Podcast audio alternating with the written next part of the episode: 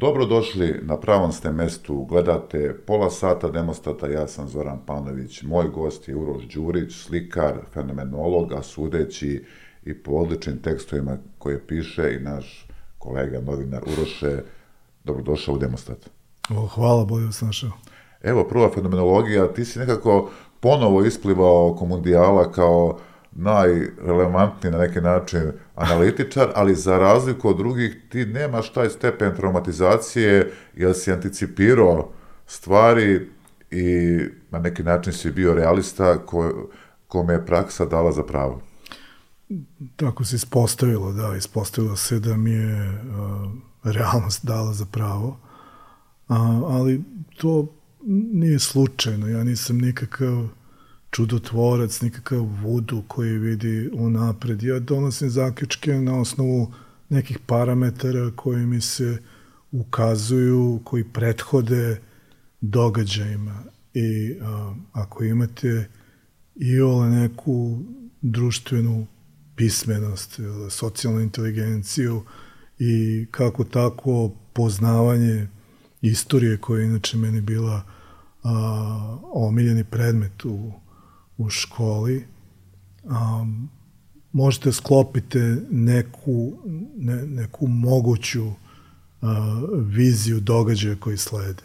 Da, to je nije prekognicija, više dobra analitika, ali koji je mundijal? Pa ima prekognicije, znaš, ima nekog instinkta isto, mislim, morate da posjedujete određenu vrstu instinkta, ali on uglavnom bazira na, na iskustvenom, na empirijskom. E, to, te, to te pitam, gde si ti izgradio taj instinkt i gde si stekao rezistentnost? Na kom mundijalu? Jel ti verovatno kao i mi... 74. odmah sa 10 godina.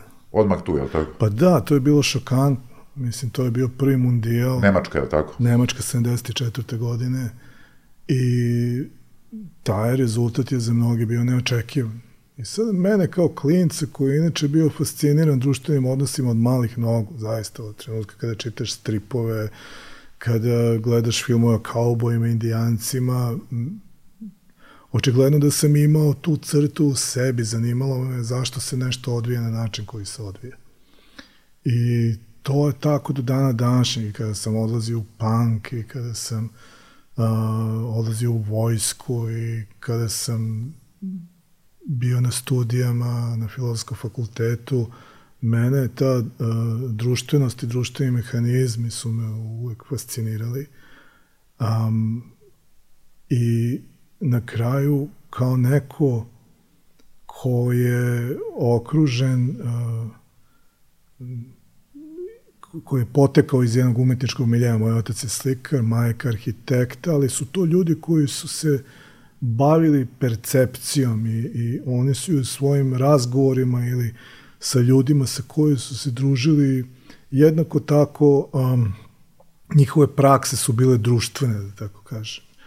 I verovatno sam pokupio i iz miljeja dosta toga, što sam na kraju razvio u jedan celishodan um, sistem mišljenja ili sistem vrednosti kojih se držim i dan danas. Da, ali kada pogledam Uroše, sad evo se vratimo mi koji pamtimo duže, na primjer, Mundijal u Španiji 82. da je bilo vara, I kad pogledamo ceo rezultat, to je nije bilo tako loše. Pobedio se Honduras, nerešeno sa Severnom Irskom i otvorena krađa protiv Španaca, da je bilo vara. Ali nije bilo vara. Da. I tu je a, takođe, pazi, ti si sada napravio tipičnu analizu tipičnog Srbina.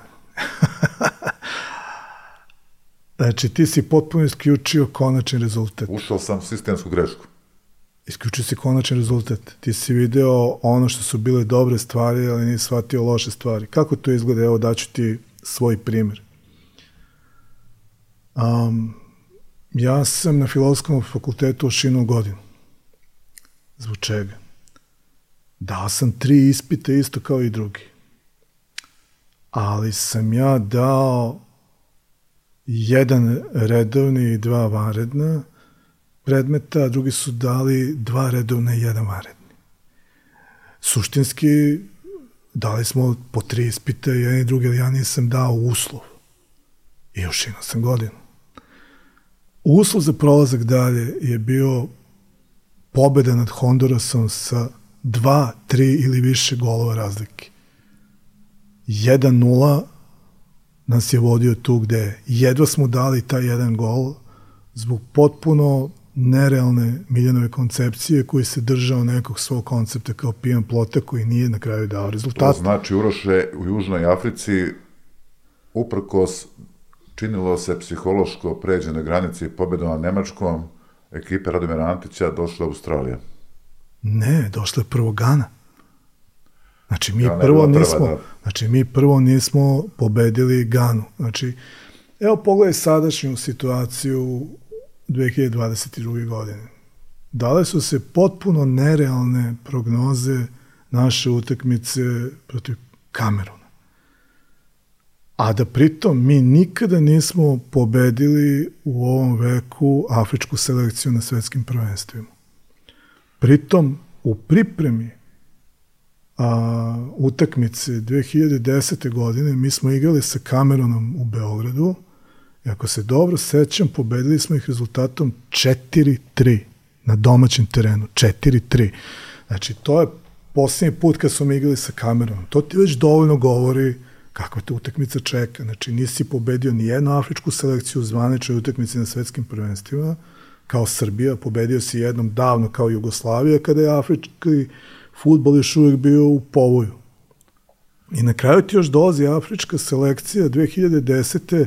sa tvojim trenerom koji želio da se dokaže zato što je ovde bio potiskivan, a, zašto je ovde bio pomoćni trener u Zvezdi, ali nikada glavni. I taj Rajevac, tvoj ovaj, užičani, da. je to iz kraja, nas oduva. Tako, imaš Užičanina ovde na klupi, Užičanina ovde na klupi. Do duše, I Nemanja Vidića. Užičanina, ali što si ti rekao da je Nemanja Vidić bio u Hrvatskoj, bilo bi sve drugačije.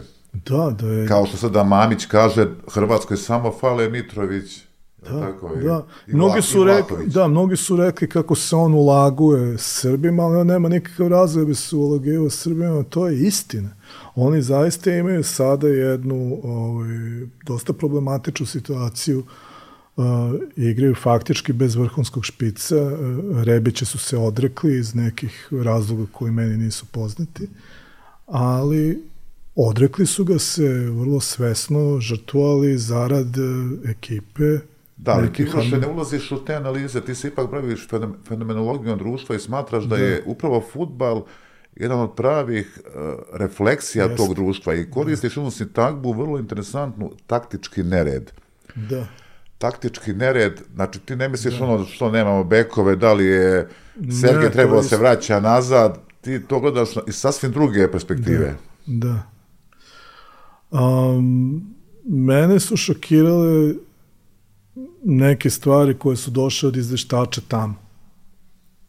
Prva stvar je da oni uopšte nisu radili video analize uh, protivnik pred utakmicu. U današnje vreme, kada je sve vizualni materijal, kada sve gledaš preko telefona, malte ne, ne moraš ni da sediš sa njima, možeš da napraviš analizu igre, da im pošlješ, da oni to gledaju, uh, kada leže u hotelskoj sobi, čak ne moraju da su tu, da prosto im zadaš, ako imaš malo ozbiljniji tim, imaš nekog malo kompjuteraša koji će to da ti napravi kao što su napravili na RTS-u i na Hrtu izvanredne analize. Znači, treba bi da imaš ono klinca koji umesto da daje analize nama počanstvu, treba da to daje njima. Da oni prosto razumeju šta se tu dešava Druga stvar koja me šokirala, to je da poslednji trening pred najznačajniju utakmicu, to je tebi prelomna utakmica u mnogo čemu, da, protiv Švajcarske, a, da je Pixi došao na taj poslednji trening pred utakmicu, ostao dva minuta, nešto im je rekao i otiš. Da je taj poslednji trening vodio njegov asistent Japanac, koji je zapravo, koliko ja znam, kondicijani trener to su zaprepašćujuće stvari. A, treće već što smo navikli, da je njima nered bio non stop tamo, da faktički kogod je hteo mogao je da dođe u kontakt sa njima u hotelu u kome su oni boravili. Da, da li se čini da je možda ova reprezentacija i situacija u Kataru od svih ovih mundijala koje pamtimo možda najveća refleksija slike stanja u društvu, veća od nekih ranijih situacija? Svakako. Svaki put je bila. I, rani, i u ranijim situacijama. I, a, kao što ljudi strašno podcenjuju stanje u Hrvatskoj.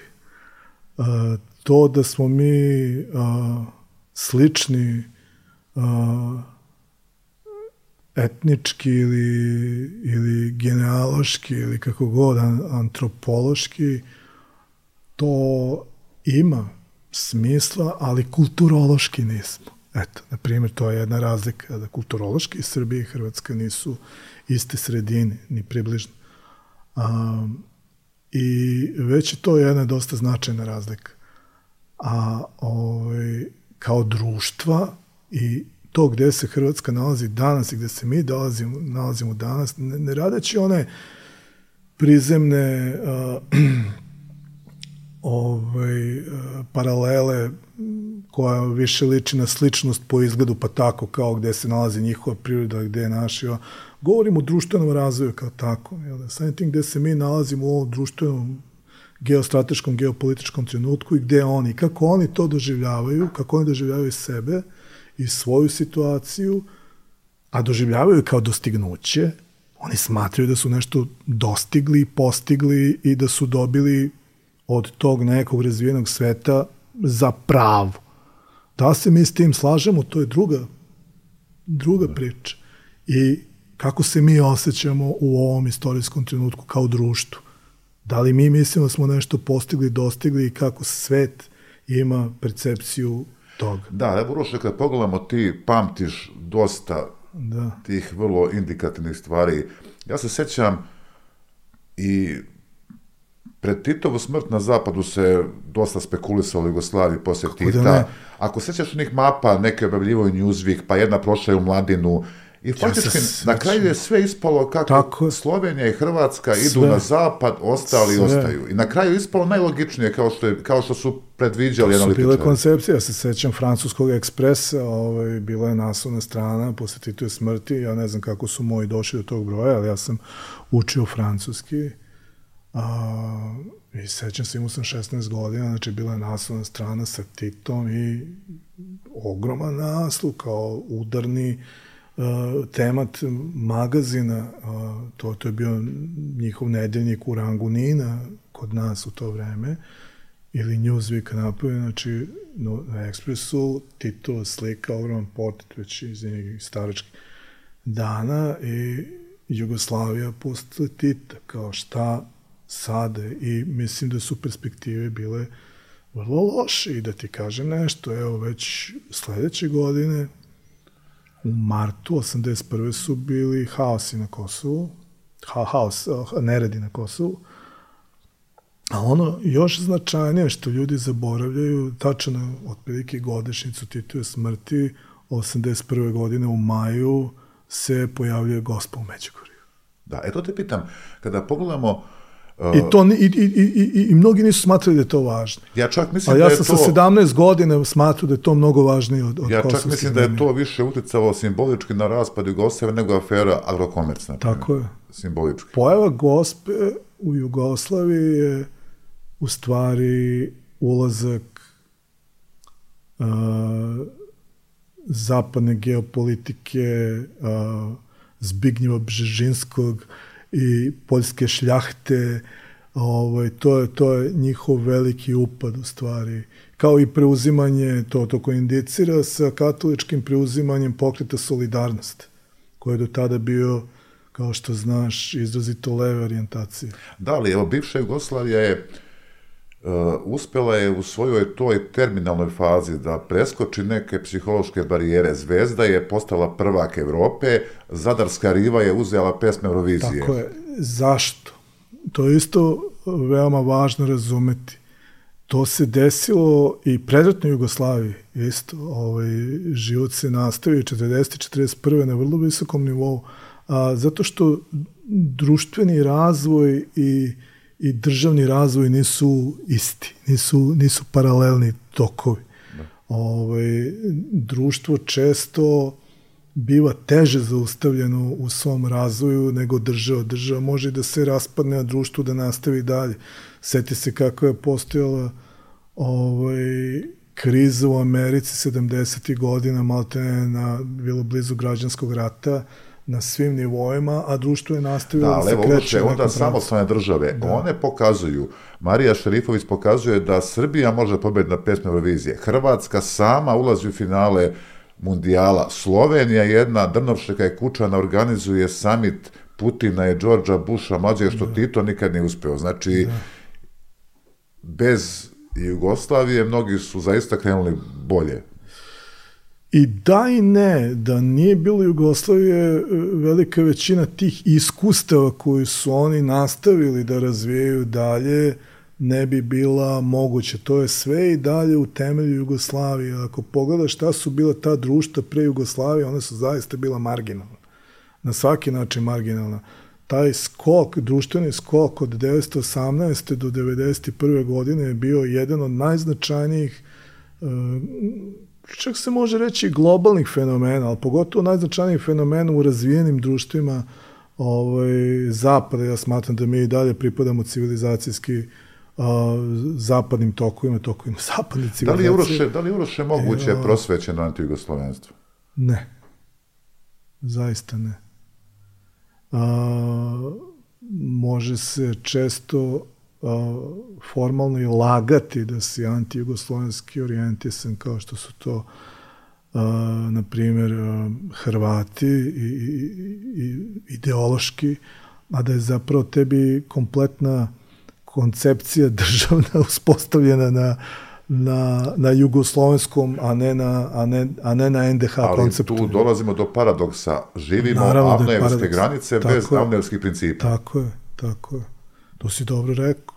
Mislim, ali, ali to je nešto, kako ti kažem, a, a, lagati je legitimno. Da, evo, ti si 80. tih, tih famoznih 80. Da. bio si tu, kako se to sad kaže, svedok epohe, bio si deo tog pratio si kompletne te scenu u Beogradu koja se odigravala uz jedne turbulentne događaje u Republici Jugoslaviji. Mm. Jeste ti osetio bar instinktivno da nešto ide naopako i gde si to osetio? Ili si živeo jednu vrstu uranilovke pop kulture? Evo, bila je jesen 80. godine i bio je neki koncert um, uh, više bendova. Bio je, bio je to možda tako, novembar, novembar 80. I skupili smo se razni tu u SKC, ispred SKC i pojavio se Milo Mladenović i zastao je sa mnom i sa Canetom. Mislim da je sada kada, kada do, do, je, do je nekog Slovenca onako plavo, brkat, malo kao da je iz prethodne epohe, ali, ali, ali, ali epoha koja se odmah nasaja na, na punk, znači nije, nije hipi, nego to je ta neka, znači bio je plav, imao je brčiće, neki sako, znači on je 80 izgledao kako se izgledao 79, mislim, to su male nijanse, ti otprilike izgledaš kao 79, taj badge, sako, rever, jel da, to je, ti si original 79 ovako, u odnosu na 80. I upoznao se sa nama, hteo je da nas upozna. Moguće da je to bio čak i Toni Juri, ovaj, koji je kasnije radio kao producent uh, Šarlu. I, uh, I Cane, onako kako ga je već uh, Bog dao uh, Lucinog Ilajevog, sa 16 godina, mu je rekao, a šta, ti si iz inostranstva i a Slovenac kaže, ma ne, ja sam tu pak iz Ljubljane. A ovaj kaže, pa to se mislio si preko Drine. znači, to je bilo novembar 80. godine o, i, i to, to je bio neočekivan um, ne, ne, neočekivan izlet čak i za Slovence. Tu pritom ljudi nisu svesni koliko je, koliko je to bila scane, to je strane ogromna provokacija a, jer niko nije tako e, razmišljao, čak mislim da on nije želao da bude ni uvredljiv. Hteo je prosto, hteo je prosto da napravi neki zaplet koji bi bio onako um, na ivici. Znaš, Evo, sad je, evo, ti si konceptualista Ali isto, evo, Laibach je 20. sad decembra ponovo u Beogradu. Da. Kao da se krug na neki način zatvorio. Pa stalno je tako i to u domu sindikata. Da. Oni, oni, vrlo, oni vrlo precizno biraju gde će i kad nastupiti i, i u kom kontekstu. Meni je njihov član rekao, ja sam rekao, jeste vi sad, jeste prošli križni put jeste izašli iz faze dekadencije, jeste sad pro, prešli u neku proto-jugoslovensku fazu, kaže, to bi bilo realan Da. ishod. Kaže. Realan ishod jeste. Znaš zašto? Zato što su na kraju shvatili da su kada se taj krug zatvorio sada, oni upravo na onom mestu gde su bili recimo 915. godine. Mislim, oni sada daju vojnike za neki budući front na Soči, koji neće biti njihov front. A, oni su kulturološki na marginama a, moćne zapadne civilizacije, ali na marginama. Oni faktički nisu izbacili nikakav značajni kulturni niti kulturološki fenomen od raspada Jugoslavije i realno se vraćaju a, civilizacijski u one okvire u kojima su bili pre Jugoslavije. Da li misliš da mi, da srpsko društvo, upravo Jednako je sa svima na- nama da li- isto, da. da Svi smo u 915. Da, a da li mi sad, da li smo mi kad izašli Uroše iz, O, jesmo, iz te, ne, ne. ne, iz te famozne antibirokratske revolucije i to, događa ne, koja je to još prošla, uvek ne, ne. ja Nažalost, mislim da ne. još traje AB Ne, revolucija. ona traje, traje, traje, ovaj, traje u, u, u um, društvenoj konstelaciji. Ona se i dalje odvija, ovo su sada repovi i dok se, nažalost, ta generacija, isto kao što i sa prethodnom bilo, biološki ne ugasi, to će trajati, ali svi akteri uh, antibirokratske revolucije uh, kao akteri epohe ili, ljudi koji su se formirali kao ličnosti u tim godinama su i dalje na društvenoj i političkoj sceni i to vrlo visoko rangirani. Da li je umeđu vremenu izvršena jedna vrsta koja još traje i kulturne revolucije u Srbiji? Baš aludira namjerno na Mao, Mao koncept.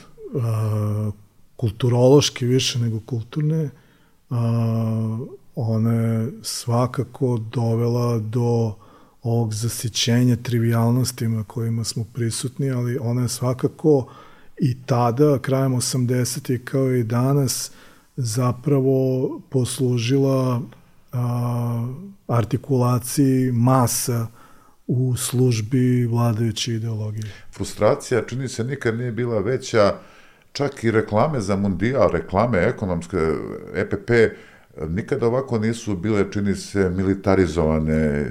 One su militarizovane, one su populističke u, u, u onom esencijalnom uh, smislu, one su uh, suštinski negativne po svojim porukama, iako plediraju na afirmativnost, a pre svega to je ono što a, pokazuje i sama tehnologija, da tehnologija nije dovoljna da bi se društvo savremenilo, a, zato što se tehnologija može upotrebiti za potpuno arhaične a, poruke, da, koje nemaju nikakve veze sa sa savremenim trenutkom. Došli smo, Tipa majko, Srbija zove Da, i sve to. Uroš, ti si isto bioskopski čovjek, Da. pošto si iz one analogne ere. Da. došlo je vreme kada smo stigli godine, stigli smo u godine kada se dešava prvi Blade Runner, kada se dešava prvi Mad Max, Da. distopija ili utopija, je tebe ovo na nivou est- estetizacije, jel ti ovo deluje kao jedna vrsta uvertire za nešto gore, odnosno da li je ovo po tebi Evropa bliže Evropi 38. 39. ili Evropi 89. 90. Pa sigurno da je bliže 38. 39. godini. A, ali ja mislim da ona ide još dalje. A to naročito pokazuje slučaj u Nemačkoj od pre neki dan. O, ja sam još 90. godina ovo stanje u kome se nalazi globalna civilizacija nazvao tehnofeudalizam. I ono što je interesantno, primetio sam da je Varoufakis od svih ljudi počeo koristiti taj termin. Taj termin nije postojao. E, Zaista sam bio prvi koji ga je izgovorio a, pre 28 godina u jednom intervju koji sam radio za BBC Channel 4 i a, to je trenutak u kome tehnologija nezaustavljivo ide napred, a društveni odnosi su na neki način u, u, u rikvrcu. Jel da? I a, meni je interesantno bilo, gledao sam na primjer nedavno jednu interesantnu seriju koja je u četiri epizode koje su radili Nemci, koje je RTS otkupio i prenao, zvala se Nemačke dinastije. Vrlo zanimljiva serija.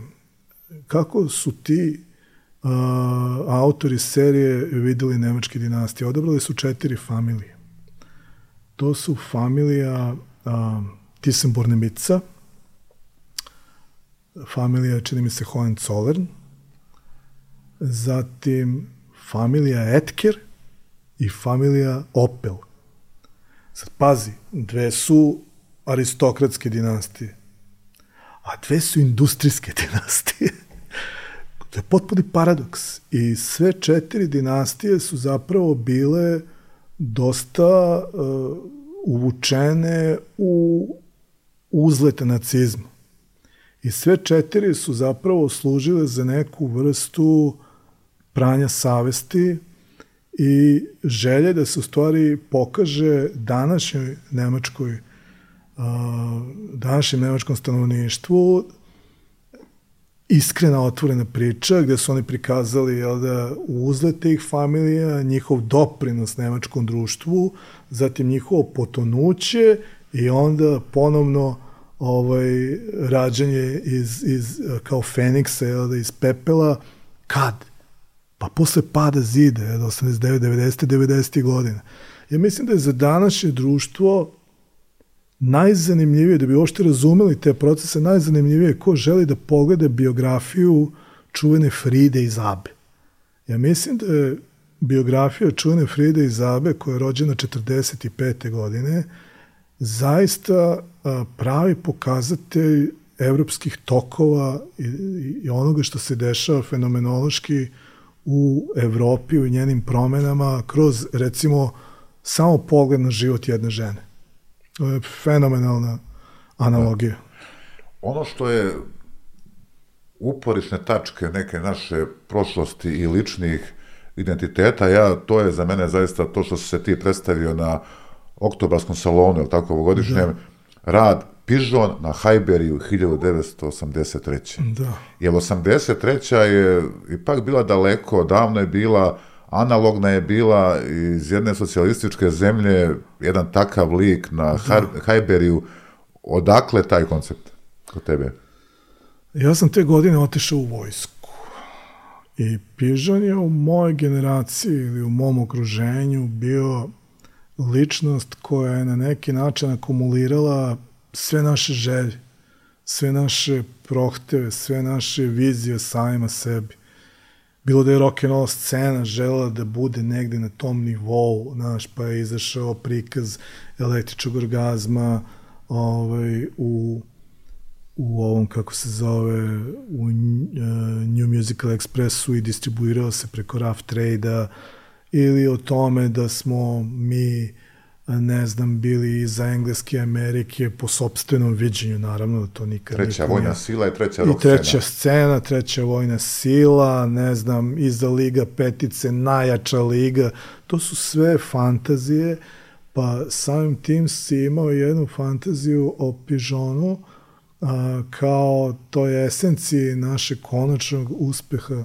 u futbolu, iako je on zapravo Arsenalu proveo samo šest meseci, nažalost, je bio potpuno nesvećen, ali interesantno sam ja njega našao i tu fotografiju za koju čak ni Piža nije znao da postoji, sam našao na sajtu a, Arsenalovih a, fanova, a, gde su oni jel da, pričali kao i obično i o sadašnjosti i o prošlosti i bio je jedan dijalog koji su vodili upravo o Pižonu kao jednom od možda najnesvaćenijih igrača ikada, gde je neka moja generacija, otprilike Arsenalovih a, vernih navijača, a, upravo i dan danas osjeća neku vrstu žala za za njegovim preranim odlaskom, zato što su oni smatrali da je on doneo jedan nivo futbala kakav tada nije mogla pre svega struka, ne toliko saigrači koliko same, sama struka i, i tadašnji menadžeri